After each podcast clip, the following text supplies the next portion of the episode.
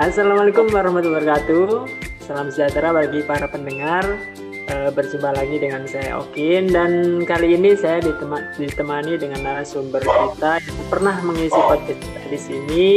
Saya bersama Mas Taryo dan e, rekaman ini direkam hari Rabu pukul 17 sore. Jadi selamat sore. Nah, sebelum masuk ke pembahasan apa aja nih yang akan kita bahas, kita kenalkan dulu nih Mas Taryo. Selamat sore Mas Taryo. Selamat sore Mas Okin. Senang Gimana sekali. kabarnya? Udah oh, lama baik, baik, baik, baik. Sehat ya? Sehat, alhamdulillah Mas Okin. Pada kesempatan kali ini saya pribadi pengen bertanya nih Mas seputar kan beberapa tahun ini kan berkembang nih uh, tentang bagaimana sih memanage keuangan atau finansial. Bahkan beberapa tahun ini seperti kita melihat perkembangan uh, manajemen keuangan ada yang namanya investasi terus ada yang membagi-bagi entah itu ke dana darurat entah ke investasi saham atau reksadana atau segala macam. Nah Mas Arya sendiri kan tinggal di desa cukup lama ya, tinggal di oh, desa cukup. gitu kan. ya. Dan pernah merasakan hidup di kota juga kan, istilahnya gitu. Nah, kita itu pengen tahu nih Mas, yang pertama-tama sebenarnya perbandingan gaya hidup antara di desa sama di kota itu apa sejauh yang Mas Arya tahu nih? Oke, Silakan. terima kasih Mas Okin itu sangat menarik sekali ya. Jadi perbedaan eh, gaya hidup orang desa sama orang kota pada eksensinya sebenarnya sama. Hmm. Cuman yang paling menarik adalah eh, orang desa eh, tidak suka untuk memasakkan diri demi menarik ya. Ya ya lanjut menarik ini. Terus orang orang kota itu cenderung ke uh, gengsi yang didahulukan gitu. Seperti gengsi. halnya uh, uh, uh, contoh yang uh, kita bisa lihat ya, yang gampang kita lihat itu contohnya kalau orang desa khususnya di tempat saya ya, tempat saya hmm. lahir dan saya dibesarkan gitu. Hmm. Itu dari dulu sampai sekarang itu tidak ada yang namanya kredit motor jadi kalau memang mampu ya beli cash, kalau belum mampu ya ya sudah saya nggak beli. Kalau mampunya saya second ya saya beli second gitu itu. Gitu. Hmm. Uh, uh, padahal, apa kalau dari orang kota, orang desa itu? Apa masukin? Kalau kredit kan dipermudah biasanya kan. Kalau cash kan uh, agak susah karena harus nabung lama gitu ya. Uh, uh, jadi pikirannya sangat sederhana sekali kalau orang desa kalau saya mampu saya beli. Eh dapatnya second ya nggak apa-apa gitu. Daripada saya kredit nanti saya dapat tanggungan per bulan gitu. rasa kekhawatiran untuk tanggung jawab itu eh, sangat rendah mas. Jadi mending kalau belum mampu ya sudah lah gitu. jadi mungkin ke apa ya? Rasa ke keikhlasan atau kepras, kepasrahan kali ya? Hmm khawatir dan takut kalau kalau nggak bisa melanjutkan kreditnya gitu ya? Ah, takut nanti. Mungkin karena uh, pendidikannya mungkin kurang tinggi gitu. Apa wawasannya kurang luas. Jadi kalau melihat bank itu rasa rasanya hmm, anu takut gitu. Apanya nanti yang dibawa ya rumahnya disegel kah? Atau uh, sawahnya nanti ditarik bank gitu Nah, hal-hal seperti itu yang sebenarnya orang desa itu merasa takut untuk kredit. Resikonya ya. Risikonya lebih ke risiko takut risiko. Cari aman sebenarnya. Hmm. Cari aman dan cari nyaman. Nah, cari nyaman. Menarik sekali. Terus apa lagi? Iya. Kalau uh. orang kota kan cenderung ke oh, orang saya butuh kok. Saya punyanya uang uh, misalnya 500 ya udah saya kredit 500 saja dapat motor seperti itu kan. Hmm. nah, lagian saya udah jelas bulanan saya satu bulan misalnya 2 juta atau 3 juta atau berapa lah. Jadi dana yang belum turun itu sudah dialokasikan eh, uh, kalau orang desa enggak enggak. Sebelum ada ada jelas berbentuk duit atau harta itu nggak nggak berani mengasuransikan itu.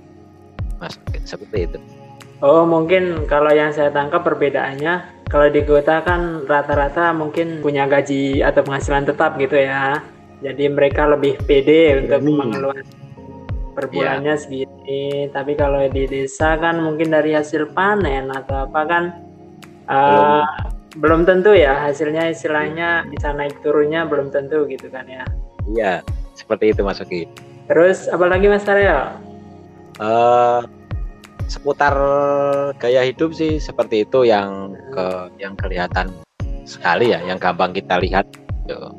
sebenarnya masih banyak gaya-gaya hidup yang lain seperti pola makan atau, atau berpakaian. Seperti nah, itu Mas Oki iya. Uh, menarik nih. Kalau tadi kan kita bisa lihat yang pertama kan kita tangkap pertama kan masalah gengsi ya. Kalau orang desa kan gengsinya nggak sebesar kecenderungan orang yang ada di kota misalkan gitu ya. Benar sekali. Terus, uh, terus yang kedua mungkin dari penghasilan orang kota cenderung punya gaji tetap. Kalau orang desa karena panennya kan naik turun jadi untuk mengambil seperti kredit motor gitu agak khawatir gitu ya dan cari aman lah iya cari aman walaupun misalnya sekali panen itu bisa dapat motor 5 atau 4 gitu. Seperti panen petani-petani kentang itu kan sekali panen dapat pajero itu bahkan lebih gitu. Itu pun cash ya. Itu pun cash. Itu karena emang gaya hidupnya tidak uh, uh, mungkin ini ya mewah ya kayak orang kota gitu. Jadi lebih senang ke kenyamanan cari aman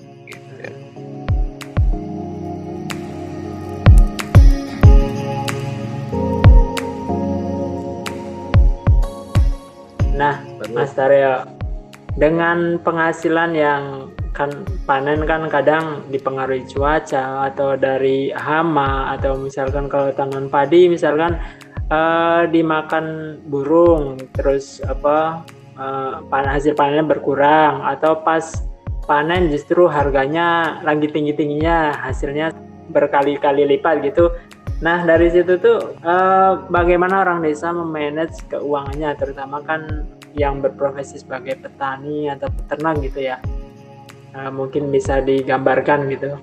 Oke, terima kasih Mas Okin. Untuk orang desa itu cenderung ke ini, ke hati-hatian dalam suatu apa pun. Jadi, misalnya khususnya untuk makanan pokok seperti padi, jagung gitu. Jadi, sistemnya kalau belum panen itu belum berani jual. Seperti berarti yang yang pak yang gini eh, gampangnya gimana ya? Jadi yang panen tahun lalu itu masih ada di tahun di panen yang sekarang masuk gitu. Berarti hasil panen tahun lalu belum akan habis sampai ada panen lagi gitu ya ya jadi belum berani jual tuh hasil panen yang kemarin itu. Sebelum hmm. datang panen lagi. Gitu tapi tetap hasil panen tahun lalu itu tetap dipakai kan untuk kebutuhan pribadi terus sisanya sisanya baru ah. dijual. Ya. ya jadi misalnya kita panen nih uh, 10 10 ton tahun ini kita panen padi 10 ton gitu. Ya kita makan. Kita makan. Paling kalau satu kali panen itu uh, satu kali masa panen itu habisnya paling berapa sih kalau satu keluarga? Nggak sampai satu ton ya mungkin ya. Kan masih ada 9 ton. Seharusnya kan kalau hitungan matematika ya udah yang 9 ton kita jual aja kita sisain satu ton gitu kan. Hmm. itu, itu pun cukup lah buat kita makan setengah tahun gitu. Misalnya atau satu tahun gitu. Tapi kalau orang Indonesia itu enggak walaupun masih ada ada sisanya ini udah udah jelas kalau dimakan itu pasti sisa nggak mungkin satu orang makan satu hari lima kilo gitu lima ya nah, tapi tetap aja tetap aja itu nggak berani dijual sebelum sebelum uh, sawah itu benar-benar panen. Kalau misalnya nih sawah baru menguning, itu pun belum uh, belum berani belum. menjual yang ada di rumah. Hmm, belum berani ya sampai benar-benar panen gitu ya. Sampai benar-benar padi itu nyampe rumah, ya aman di rumah, baru yang panen yang tahun lalu kita jual habis. Gitu. Nah, itu seterusnya gitu. Jadi makanya ada ibarat kalau orang desa itu nggak bakal kelaparan. Gitu. Menarik ini strateginya. Istilahnya padahal itu turun temurun ya strategi seperti itu tapi eh, tapi cukup untuk eh, jadi strategi bertahan ya bertahan Ya. hidup dan bertahan hidup. Jadi misalnya ini kayak ini yang lagi ngetren sekarang ini pandemi corona, apa ada lockdown, ada pem- pembatasan gitu. Itu kalau orang kalau petani itu nggak nggak masalah gitu. Mau setahun dua tahun itu masih Hmm. masih aman lah gitu. Masih aman lah. Kalau mau ma- sekedar buat makan itu masih aman. gitu. Dan itu juga membentengi dari gengsi juga kayaknya ya gaya hidup semacam Ya. itu ya. Ya beda sama orang kota. Kalau orang kota biasanya kalau gaji satu bulan itu dalam satu minggu biasanya sudah habis untuk eh, biaya tagihan listrik, biaya cicilan dan lain-lain. Berani berani apa ya? Bahkan berani menyekolahkan SK gitu sampai-sampai seperti itu kan. kalau yang PNS misalkan gitu ya Nah, sekarang kalau yang eh, karyawan aja bisa ya. Hmm. ya sekarang itu eh, apa-apa kalau masalah kredit itu pada dipermudah mas. Iya dipermudah. Kalau misalkan di all shop lah, sekarang udah banyak pay letter gitu. Mm-mm. Belanja dulu, bayarnya nanti gitu kan. Terus promosi kartu kredit banyak banget itu kan. sampai sampai ini KTP aja laku sekarang bisa jadi duit. Jadi itu macam-macam sekarang dipermudah lo kredit. Cuma ya itu malah eh, di akhir bulan istilahnya malah bikin susah gitu kalau nanti terkendala keuangannya gitu ya. Ya sebenarnya kalau misalnya ini bisa diadopsi oleh orang kota yang pendapatannya satu bulan sekali dengan nominal yang jelas, itu misalnya kita tidak berani mengeluarkan gaji sebelum dapat gajian lagi, itu mungkin akan ya ekonomi akan maksimal lah. Ya. Karena udah tahu ya bahwa oh tabunganku yang ini tuh udah pasti nih. Eh, aku istilahnya eh, misalkan gajinya satu juta misalkan terus satu bulan habis 500 ribu yang 500 ribu ini kan belum dibelanjakan sebelum gajian set- setelah gajian lagi gitu kan ya Iya, eh, harusnya seperti itu. Itu pasti aman lah, tidak ada yang namanya utang piutang dan ketakutan untuk ke kekurangan pangan sebenarnya. Cuman kan oh kehidupan di kota jelas berbeda gitu kan. Ah, panas. Jadi bukan panas matahari tapi panas tetangga, panas kantong panas, temennya beli apa panas gitu. iya. Banyak faktor ya. Banyak.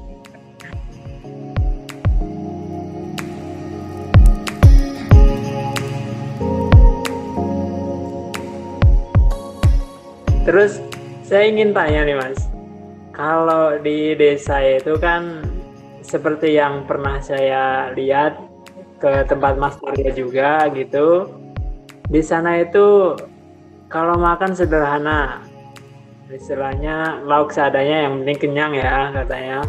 Tapi kebanyakan kalau hajatan itu mewah-mewah bahkan sampai menyewa orkes atau sampai wayangan dan itu kan dananya besar tuh.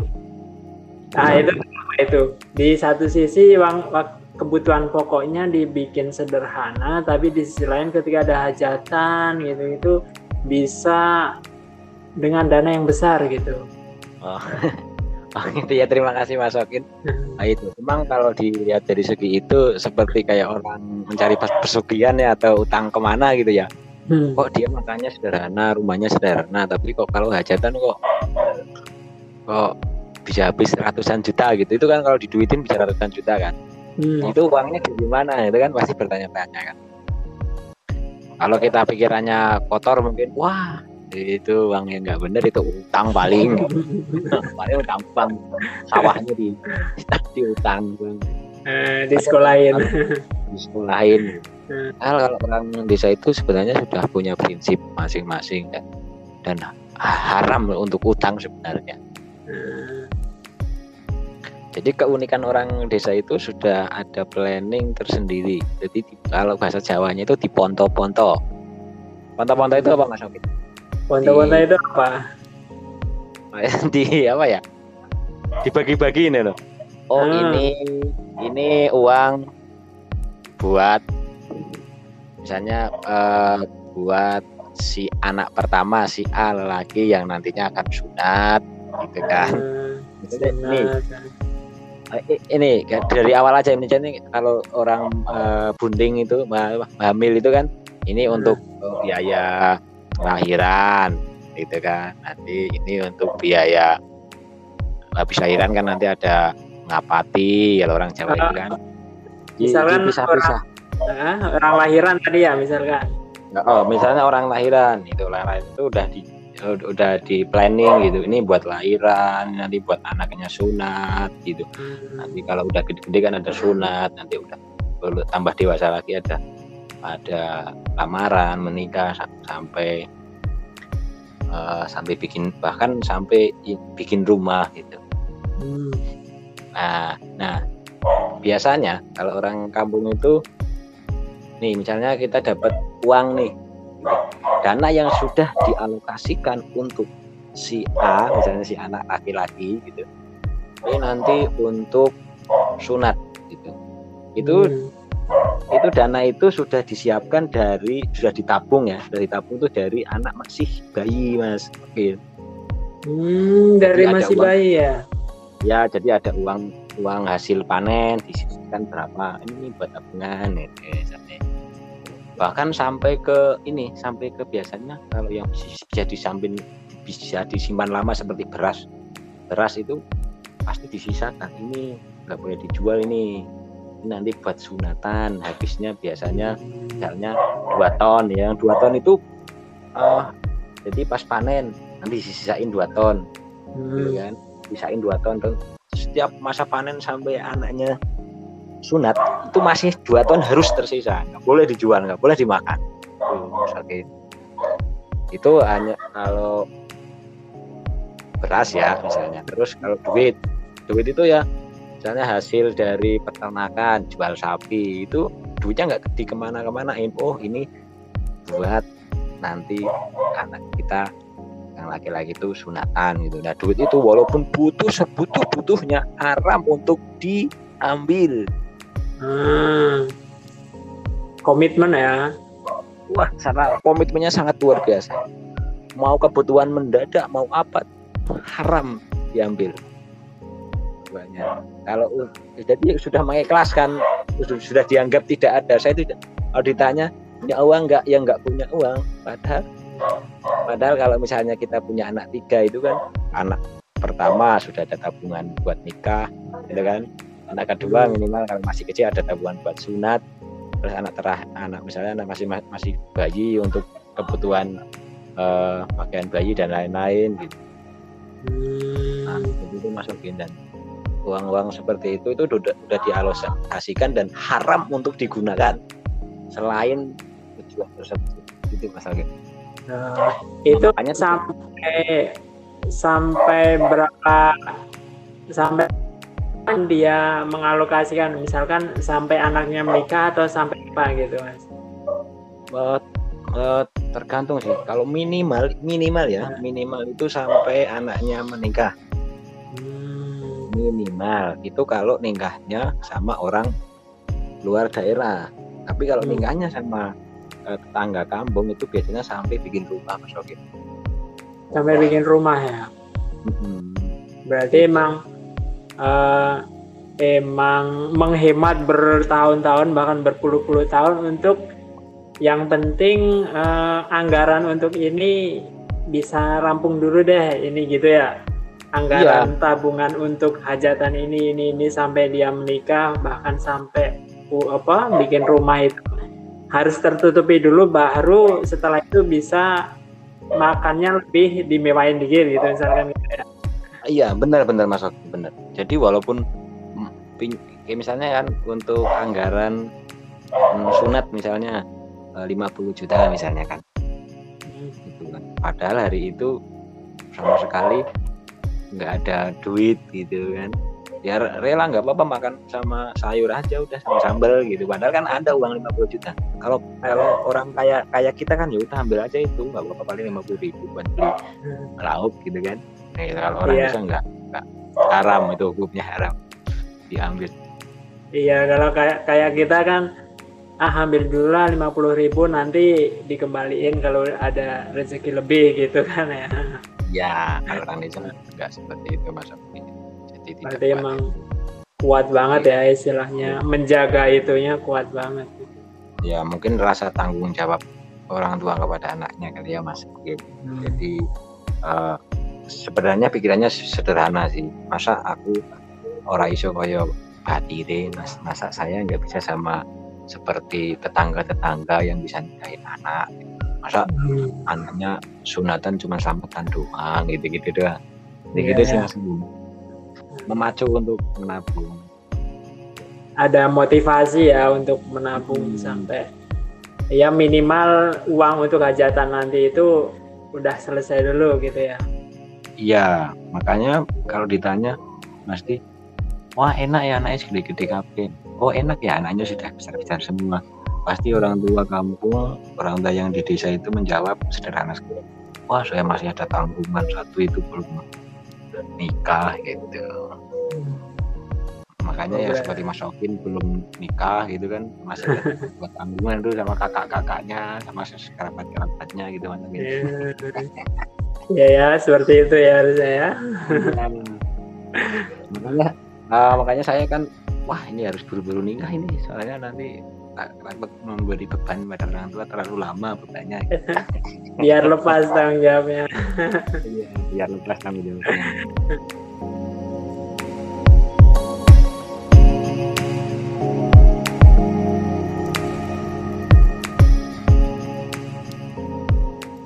Nah, ada yang menarik juga nih Mas, da- di waktu saya di desa itu beberapa orang tuh ya, dia bahkan punya misalkan taruhlah satu barat benda nih, misalkan motor. Dia di rumah itu punya motor bagus, motor bagus, padahal rumahnya masih eh, kalau dialokasikan dananya bisa dialokasikan untuk eh, memperbagus rumahnya dulu, tapi kenapa malah dialokasikan ke beli motor yang bagus dulu gitu, misalkan setelah panen atau gimana gitu. Itu ada alasan khusus nggak sih mas? sebenarnya itu umum sih mas kalau di kampung itu Eh, itu sistemnya pakai biasanya skala prioritas mas Hmm, apa itu? Jadi kalau orang desa itu nggak mau yang sudah beli mahal-mahal terus cepat rusak seperti itu. Ah, seperti yang saya obrolkan yang tadi bahasan pertama itu beli Hmm. motor nggak mau yang second, ya apa kredit gitu, mencari Hmm. beban. gitu. Meskipun second pasti yang bagus gitu. Soalnya nggak mau kalau saya beli mahal masa beli saya mahal-mahal terus eh, rusak gitu kan. Jadi ya gitu masukin eh, skala prioritas gitu. Saya pengen kan mo- motor kendaraan itu biasanya kan untuk untuk aktivitas sehari-hari. Walaupun itu sebenarnya walaupun mo- mo- motor-motor kayak eh, apa yang keren-keren gitu. Nah, Eh, KLX gitu ya kayak apa yang sekarang itu. Eh, PCX gitu. Kalau di saya itu buat ngarit benar itu ya. iya jadi bukan mungkin nggak gaya gitu kan. Itu sebenarnya Iya. enggak cuma tingkat kenyamanan aja sih mas. Jadi Hmm, sekarang aku punya duit gitu. Kok kenapa sih nggak nggak bikin rumah lah yang nggak bakal nggak bakal nggak bakal bisa lah duit eh, buat beli PCX terus. Paling berapa juta bikin rumah kan nggak jadi gitu kan. Nah hmm. mungkin itu sudah ditabung tapi belum cukup untuk beli rumah. Oh, jadi alasannya istilahnya seperti itu ya untuk kenyamanan juga ya, untuk kerja juga sebenarnya. ya. untuk kerja juga jadi nggak nggak untuk pamer gitu. Kok motornya bagus gitu tapi rumahnya headback oh, jangan salah itu rumahnya karena tabungannya belum untuk membangun rumahnya. Tapi untuk tabungan beli kendaraan itu sudah cukup gitu. Nah, itu, itu kan dibontok uh, dibagi-bagi atau masukin biasanya dibagi-bagi tabungan untuk bikin kendara, uh, beli kendaraan tabungan buat anak hajatan tabungan rumah itu semuanya kan sudah ada tabungan masing-masing kan. Yang sudah penuh duluan kan pasti di dialokasikan duluan toh. Uh, oh, mungkin itu alasan juga ketika kita tanya ke orang desa wah nggak punya uang mas nggak punya ini mas. Padahal tabungan untuk uh, nanti misalkan bangun rumah atau beli motor atau hajatan itu ada tapi emang dianggap tidak ada gitu ya supaya enggak diambil gitu ya. Iya dianggap tidak ada. Jadi jangan salah sangka nanti oh itu kok kayaknya mendereng gaya banget. Enggak buat narik gitu masuk buat ngarit buat pupuk gitu.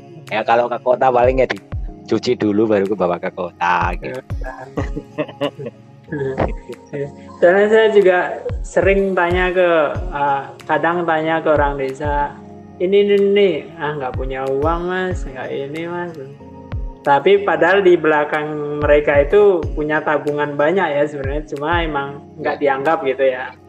Iya sebenarnya kalau misalnya ditodong orang desa itu miskin miskinnya orang kampung itu kalau ditodong duit misalnya. Kamu harus keluar 50 juta misalnya. Pada hari itu pun pasti ada pasti ada. Paling sedikit 50 pasti ada.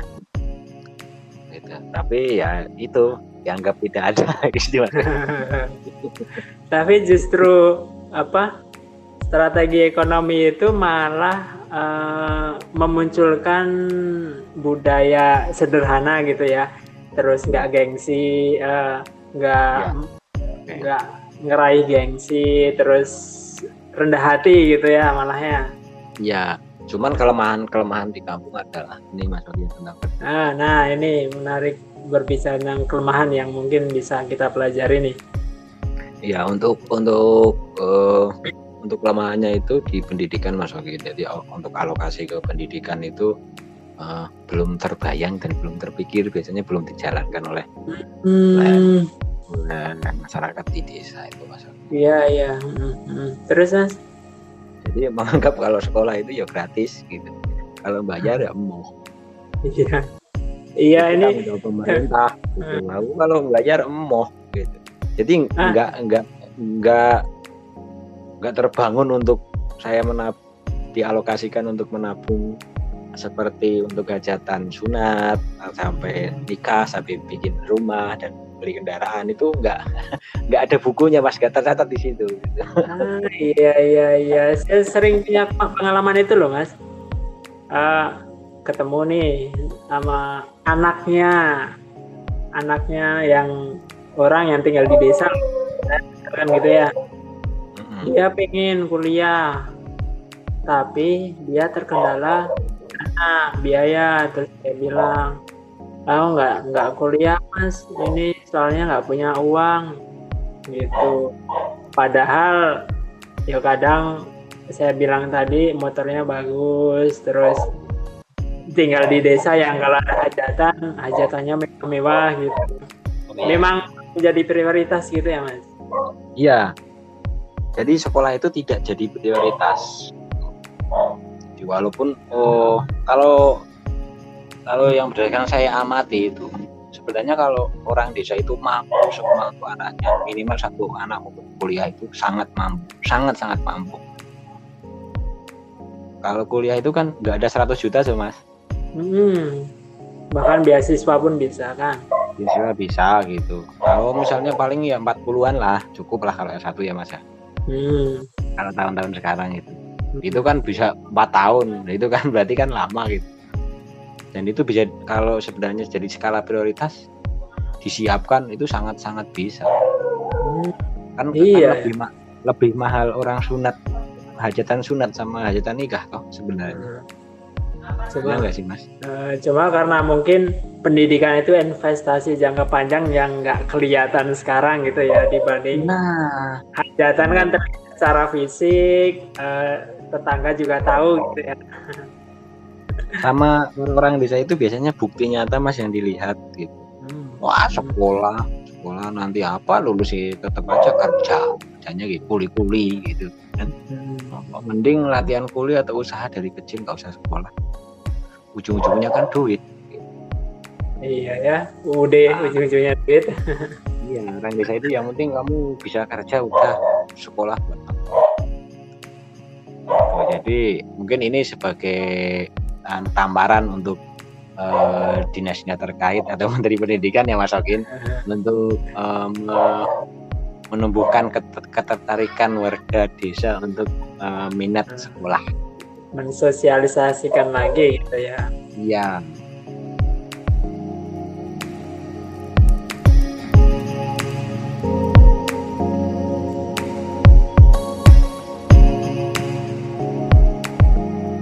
Tapi ada nggak mas? Uh, perubahan semakin ke sini kan mungkin orang tua semakin melek pendidikan gitu. Ada nggak? Terus perubahan bahwa oh pendidikan itu sebenarnya penting nih pendidikan itu penting. Atau emang dari dulu belum ada perubahan ke arah situ? Uh, perubahan itu seumuran saya mas. Jadi seumuran saya itu sudah sudah mulai ada perubahan untuk mementingkan pendidikan kalau uh, umur-umur orang tua orang tua kita itu ya hanya sebagian lah yang yang memprioritaskan pendidikan. Seperti ini biasanya bisa dilihat dari ini pak. Uh, latar belakang dan uh, mungkin apa ya um, mobilisasi orang tua itu. Sudah hmm. sampai mana um, orang tua kita itu uh, bergaul dan anu Eh, mencari relasi misalnya kerja ke luar kota itu bisa merubah pola pikir. Atau mungkin bekerja di rumahnya orang yang anaknya sukses karena karena berpendidikan misalnya sarjana terus jadi apa gitu. Jadi pejabat atau apa.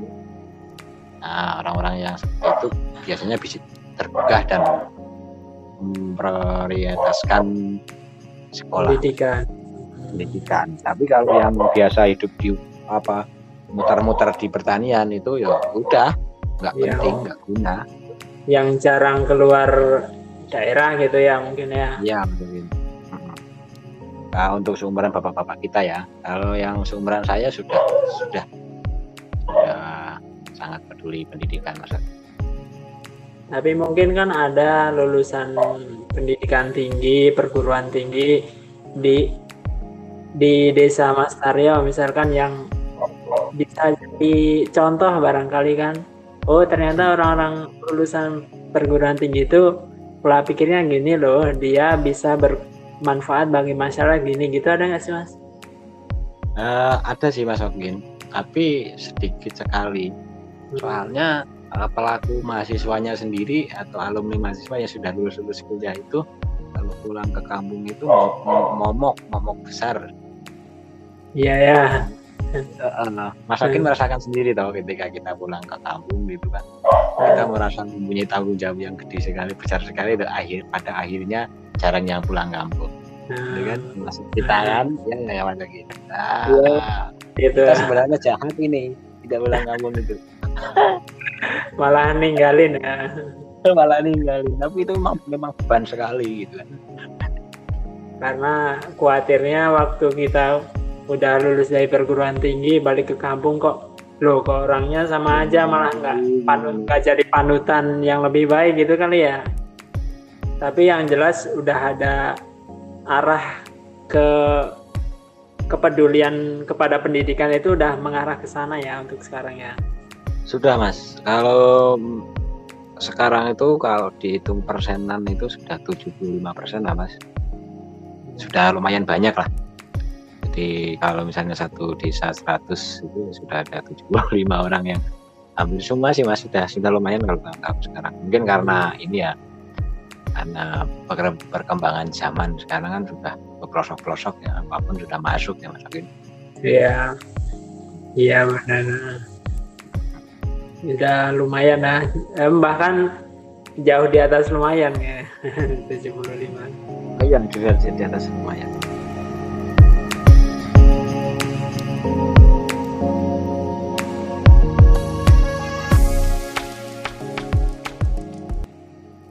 Kalau ke pertanyaan selanjutnya nih Mas, sebenarnya ada nggak sih motif ekonominya atau mungkin ada hal lain? Kenapa? Khususnya perempuan nih. Kalau lulus SMP atau lulus SMA nggak kerja gitu mereka cenderung nikah dini gitu. Ada nggak faktor ekonomi juga berpengaruh di situ nggak? Atau ada faktor lain misalkan terbebas dari tanggungan kalau orang tua misalnya kayak tadi itu kan wah anaknya udah besar berarti bebas dari tanggungan karena udah nikah atau gimana gitu. Oke terima kasih Mas Okin kalau orang kampung khususnya di daerah saya itu lulus S bukan SMA ya SMP malah. Itu lulus hmm. SMP kalau perempuan itu langsung menikah.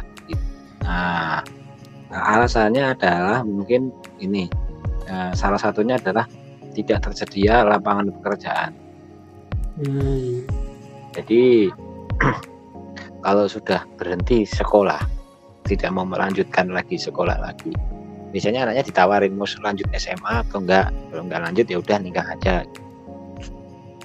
Karena kalau sudah lulus SMP terus mau kerja apa? Karena lapangan pekerjaannya emang nggak ada kalau di kampung. Oh, nah, berarti ditawarin dulu ya, mau lanjut nggak gitu ya? Ya, ya sebagian uh, hampir semua orang tua pasti menawarkan anaknya. Mau lanjut ke sekolah nggak kalau sekarang itu pikirannya sampai SMA lah. Kalau kuliah itu ya hmm, belum banyak. Tapi kalau SMA itu semuanya memikirkan mau lanjut sampai SMA enggak. Kalau enggak ya udah nikah saja. Seperti itu mas Ogin sederhana sekali. Karena kalau enggak nikah ngapain gitu? Cuman iya ya. Lantong disuruh bantuin orang tua ke sawah nggak bisa aja toh. Hmm. disuruh yeah. masak nggak mau. Malah jadi omongan tetangga ya. Omongan tetangga ya sudah nikahkan saja. Padahal kalau sudah nikah itu masih tanggung jawab orang tua juga. Selama selama biasanya selama ya lama. Selama mampu hidup sendiri. Bahkan ada yang sampai ya semuanya ikut orang tua dinafkahi orang tua dua-duanya itu kalau nikah muda itu sampai rumah dibikin orang tua anaknya yang yang nyekolahin sampai orang tua. Orang kamu rasa nggak teganya sangat tinggi. Uh, ada gambaran lah ya kenapa pernikahan dini di desa itu banyak terjadi gitu ya? Oh, sebenarnya yang... kalau kalau misalnya ada lapangan kerja gitu enggak enggak bakal itu paling suruh kerja cuma kan di desa mayoritas kalau di desa Mas Tarda terutama mayoritas kan uh, petani ya. Petani oh, peternak gitu ya. Petani peternak dari kota gitu.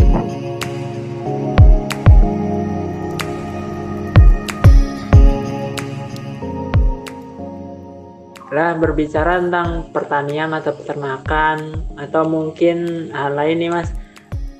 Kan tabungan masyarakat desa cenderung dari situ ya? ya. Atau mungkin apa aja sih yang jadi sumber penghasilan sama sumber tabungan dari orang-orang desa? Hmm, jadi orang desa itu pinter untuk memanage uh, mana nih yang masuk tabungan, mana yang masuk harian, dan mana yang masuk bulanan dan tahunan. Hmm. Jadi emang emang itu ilmunya nggak tahu itu mengatasi ilmu dari mana ya turun temurun turun temurun tapi itu patut dibukukan itu sebenarnya. Karena iya. unik gitu. Hmm. jadi bisa memilih ini loh yang bulan yang harian ini loh yang bulanan ini loh yang tahunan. Yang biasa digembor-gemborkan oleh pakar-pakar ekonomi itu sebenarnya orang desa memang sudah hafal. Udah hafal dan apa berjalan secara alami kali ya? Nggak iya. nggak pakai hitung-hitungan detail itu kan nggak kan ya enggak jadi sangat sederhana sekali. Seperti seperti misalnya kalau misalnya sayur-sayuran itu walaupun sedikit pasti kalau orang kampung itu nanam pasti nanam untuk kebutuhan sehari-hari. Sehari-hari. Singkong buah-buahnya kayak pisang pepaya. Ayo untuk, untuk kebutuhan sehari-hari itu tersedia. Gitu loh itu buat harian ya mas ditambah lagi kalau mungkin uh, hariannya kuli kuli yang kuli bangunan kuli kuli kuli tandur macul di sawah itu buat buat biasanya buat uh, harian ya hmm. buat uh, misalnya beli lauknya dan nanti ada ada sisanya buat kondangan dan beli pakaian seperti itu hmm. dan untuk uh, bulanan biasanya dialokasikan untuk ini mas Alvin seperti uh, hasil hasil panen yang bulanan mas Alvin oh kayak jagung gitu.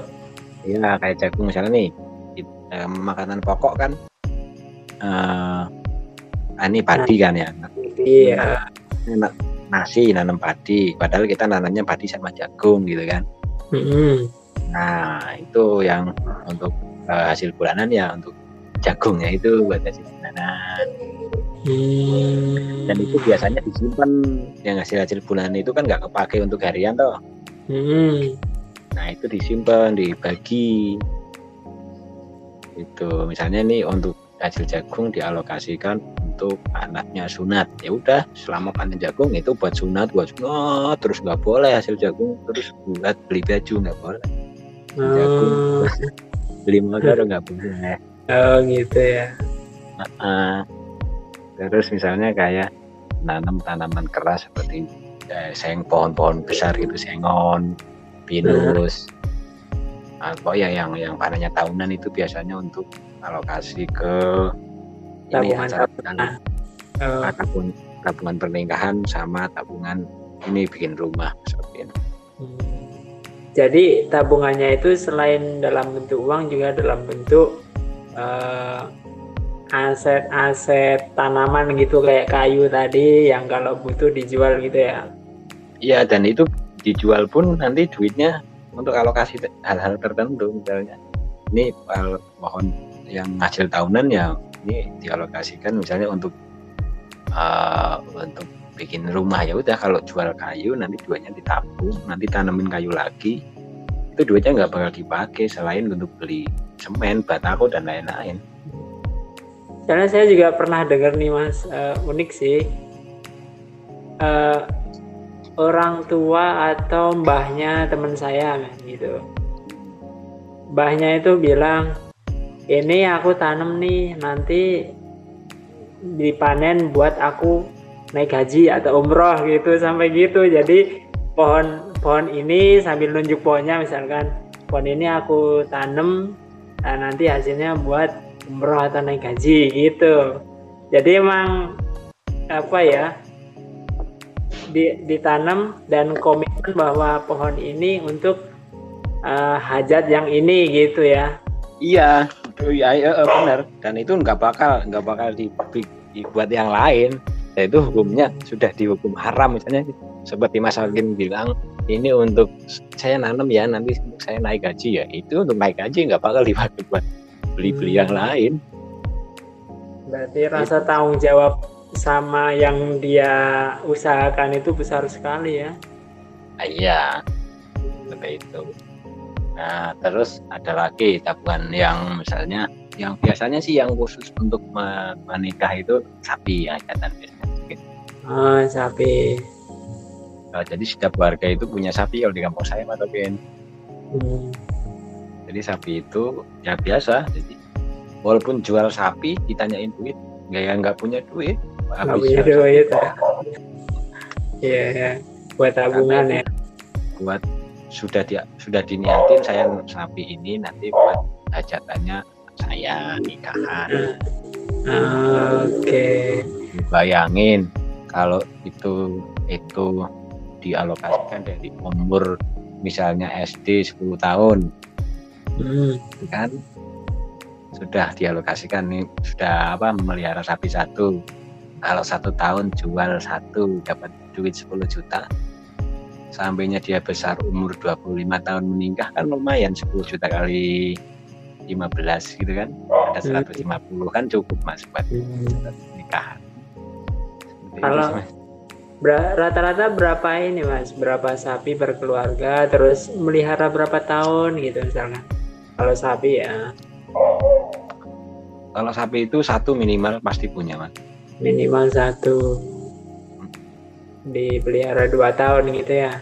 Ya kalau dari kecil dua tahun kalau sudah besar ya paling satu tahun tergantung mereka mem mem mem membelinya dan itu kan ibaratnya pakan nggak beli dari usaha ngarit ya jadi pengeluarannya minim. Hmm.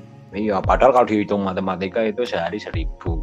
Tapi ini coba buat tabungan aja ya udah saya nabung rumput jadi duit. Nah kadang ujungnya buat anak saya. kadang orang-orang desa kan nggak memperhatikan bahwa tenaga mereka itu sebenarnya dibayar tapi ya dia nggak bilang dibayar gitu ya. Mm-hmm. kan kalau di perusahaan atau apa kan ada jam kerja segini tugasnya segini berarti bayarnya segini gitu kan. Tapi kalau orang desa kan nggak menganggap itu bayaran kan. Hmm, itu, itu sebenarnya bisa kita contoh masukin bagi orang-orang kota itu kalau mau itu di dialokasikan untuk uh, nikahnya kita gitu. Dimulai dari umur berapa gitu. Nggak usah banyak-banyak. Kalau hitungan kayak yang sapi itu kan paling sehari seribu itu masih tengahnya. Uh, yeah, yeah. lima ribu itu. Tapi kalau yeah. bertahun-tahun kan jadi banyak gitu kan. Iya. Cuma kadang belum belum sampai banyak udah ibaratnya ngiler buat beli ini buat beli ini makan enak iya. jadi nggak kumpul ya. Iya masukin seperti itu masukin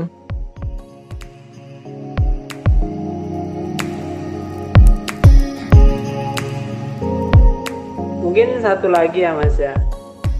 Beda desa dulu sama desa yang sekarang itu apa? Uh, terkait apa nih mas ya mungkin dari bahasan kita lah. Melanjutkan bahasan kita bedanya kondisi desa yang dulu sama desa yang sekarang yang mengarah ke bahasan kita ini apa? Ada nggak sih perubahan-perubahan itu atau cenderung sama? Oh, ada sedikit sedikit perubahan Mas Agit. Ada sedikit perubahan karena mungkin uh, seperti yang kita bicarakan kesediaan uang itu ditawar-tawarkan ke ke kampung karena mungkin pihak pihak bank itu sudah tahu kalau orang kampung banyak duit gitu kan. nah sekarang sudah ada sebagian orang-orang untuk berani untuk utang itu masalahnya hmm. untuk hal-hal yang terkait tentang hajatan dan kebutuhan mendesak seperti itu masukin kalau yang lain masih masih sistemnya masih tapi karena mungkin kudaan ya Mas Okin gimana sih? Hmm. datang terus gitu ditawarin gitu kan. Eh, instan ya. apa, ya. gitu. udah nggak apa-apa paling modal ini aja sertifikat sudah ngambil ini nggak apa-apa dicicil gitu. Bagaimana sih rayuan orang-orang bang gitu. itu cenderung ya, positif atau negatif mas? Negatif sih kalau menurut saya Mas Okin. Nah, iya. Main instan gitu ya. Iya Berarti padahal itu uh, padahal sebenarnya masih masih bisa untuk untuk tidak utang gitu kan. Tapi kalau memang tawarannya menggiurkan kan orang jadi tergiur kan. Iya. Akhirnya banyak yang terjerat gitu ya, kejebak gitu ya. Iya, sampai sampai kadang ya udah tanahnya jadi kejual untuk bayar utang gitu bahkan yang katanya istilahnya kemajuan ekonomi malah justru mengikat budaya strategi manajemen keuangan yang udah ada yang berjalan secara natural gitu malah merusak hmm, merusak itu ya struktur ya. Benar mas Oki. Oke cukup banyak nih uh, masukan-masukan ilmu dari Mas Taril. Ada nggak mas? Maksudnya masukan terakhir nih atau ada bahasan-bahasan yang pengen Mas Taril sampaikan untuk melengkapi uh, wawancara kita ini? uh, cukup sederhana sih Mas Ogi sebenarnya. Uh, jadi pada intinya bahasan kita ini hidup itu cukup menikmati dan uh, menikmati sih mas menikmati menikmati itu kan bahasanya luas ya mas. Jadi menikmati itu bukannya kita punya uh, punya duit terus ambur-amburan gitu.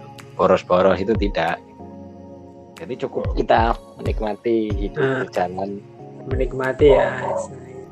Iya berjalan saja. Jadi nggak usah. nggak usah kita gengsi nggak usah kita malu nggak usah kita gampang tergiur gitu. Nggak usah ngoyo lah ya. ya. Ada lagi mas atau itu? Cukup cukup cukup mas Arvin. Ya, terima kasih Mas Taryo kita jadi dapat banyak masukan. Ya, banyak gambaran nih dari Mas Taryo dan uh, buat para pendengar semoga ini bermanfaat untuk kita yang mendengarkan dan terutama saya. Semoga di lain waktu kita bisa berjumpa lagi dalam uh, wawancara selanjutnya dengan narasumber yang akan uh, memberikan ilmu-ilmu baru. Terima kasih Mas Tara, terima kasih. Sama-sama Mas Andi. Oke. Okay. Cukup sekian saya akhiri. Wassalamualaikum warahmatullahi wabarakatuh.